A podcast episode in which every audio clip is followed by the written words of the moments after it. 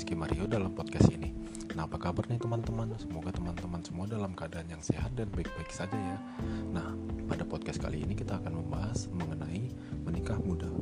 Nah, mengapa sih seorang itu memilih untuk menikah muda? Apakah menikah muda ini dapat dilakukan oleh semua orang? Nah, pertanyaan-pertanyaan ini kerap kali muncul saat kita melihat pernikahan yang di mana usia salah satu mempelainya masih sangat muda atau keduanya masih memiliki usia yang sama mudanya.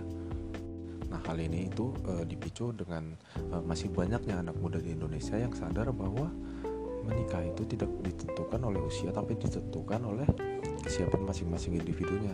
Nah, namun tidak sedikit juga anak muda yang masih mengikuti pola pikir di mana di usia tertentu kita harus sudah menikah. Nah, tidak bisa dipungkiri juga bahwa hal itu juga dipengaruhi oleh faktor yang didapatkan dari lingkungan di sekitar kita di mana kebanyakan masyarakat kita itu masih menekankan paradigma bahwa di usia tertentu kita sudah harus menikah.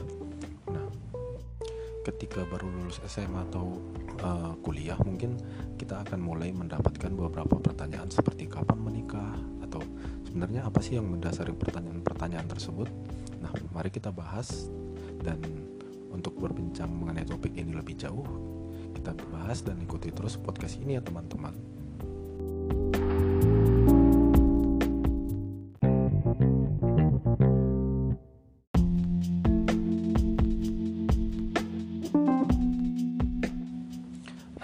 bicara soal pernikahan, uh, selain mencari jawaban pertanyaan kapan menikah, pernikahan usia muda ini sebenarnya topik yang cukup sering dibicarakan dan diperdebatkan di lingkungan masyarakat. Ketika ada orang yang menikah muda uh, katakanlah dia berusia 16 sampai 19 tahun dan diposting di sosial media mereka pasti ada keributan yang tidak jauh dari lingkup itu.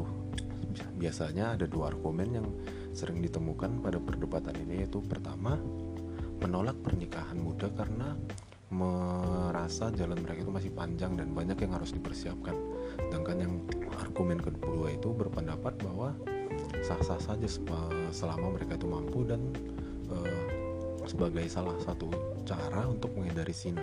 Nah, pernikahan ini sebenarnya merupakan keputusan uh, yang besar di mana hal ini bukan hanya tentang dua orang pas uh, pasangan yang mau menikah saja, namun menyangkut juga dengan uh, keluarga dan juga kedua belah pihak dari masing-masing uh, mereka. Nah, pernikahan ini juga bukan uh, tidak hanya sekedar membutuhkan cinta atau yang diucapkan sebagai uh, setiap hari sebagai uh, bentuk perasaannya, namun juga harus didukung dengan kesiapan mental dan juga finansial.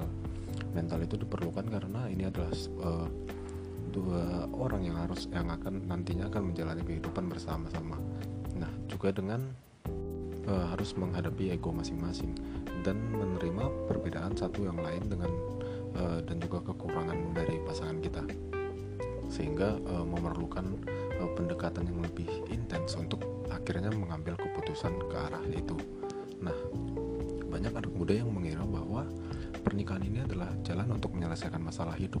Namun pada kenyataannya uh, di pernikahan ini akan lebih banyak masalah yang harus dipertanggungjawabkan bersama dengan uh, pasangan kalian. Seperti uh, kesiapan ini kesiapan menikah itu bukan bergantung pada usia kita namun juga hmm, namun juga usia matang yang mempersiapkan kita untuk menjalani rumah tangga di kehidupan yang mendatang. Nah, pengalaman dan pengetahuan yang lebih banyak dalam menjalani hidup ini akan membantu kita untuk menjalani kehidupan yang lebih kompleks yang akan kita rasakan setelahnya.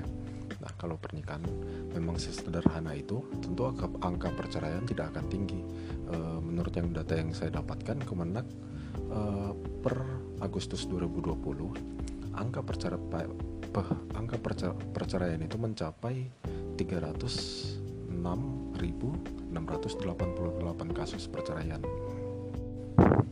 kalau dari saya sendiri sebenarnya tidak menyalahkan hadirnya dua sisi argumen yang menyatakan setuju atau tidak setuju karena ini kembali ke perspektif dan masing-masing serta kebutuhannya.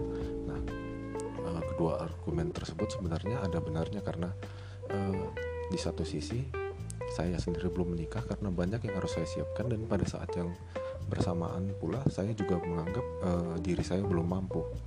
Tidak semua orang yang terlahir di uh, berada di kondisi ekonomi yang amat mapan. Jadi ketika memilih menikah di usia muda sekitar umur 18 dan 19 tahun, ekonomi orang tersebut uh, dapat dipastikan uh, belum dapat stabil. Karena kalau dari pandangan saya memaksakan pernikahan karena uh, dia belum siap dari berbagai aspek hanya menciptakan uh, kemiskinan uh, uh, baru di bagi baik itu bagi negara dan juga keluarganya. Nah, menikah itu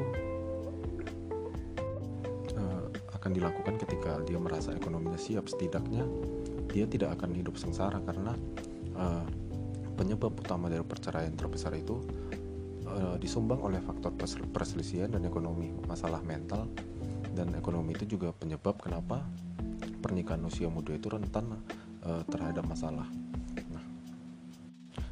Oleh karena itu teman-teman bagi kalian yang ingin tetap menikah muda eh, sebenarnya itu hak kalian tapi melihat dari resiko yang ada dan jika kalian masih merasakan uh, ragu akan kapasitas diri sendiri mending ditunda dulu nah karena pernikahan ini pada dasarnya bukan perlombaan sehingga kalian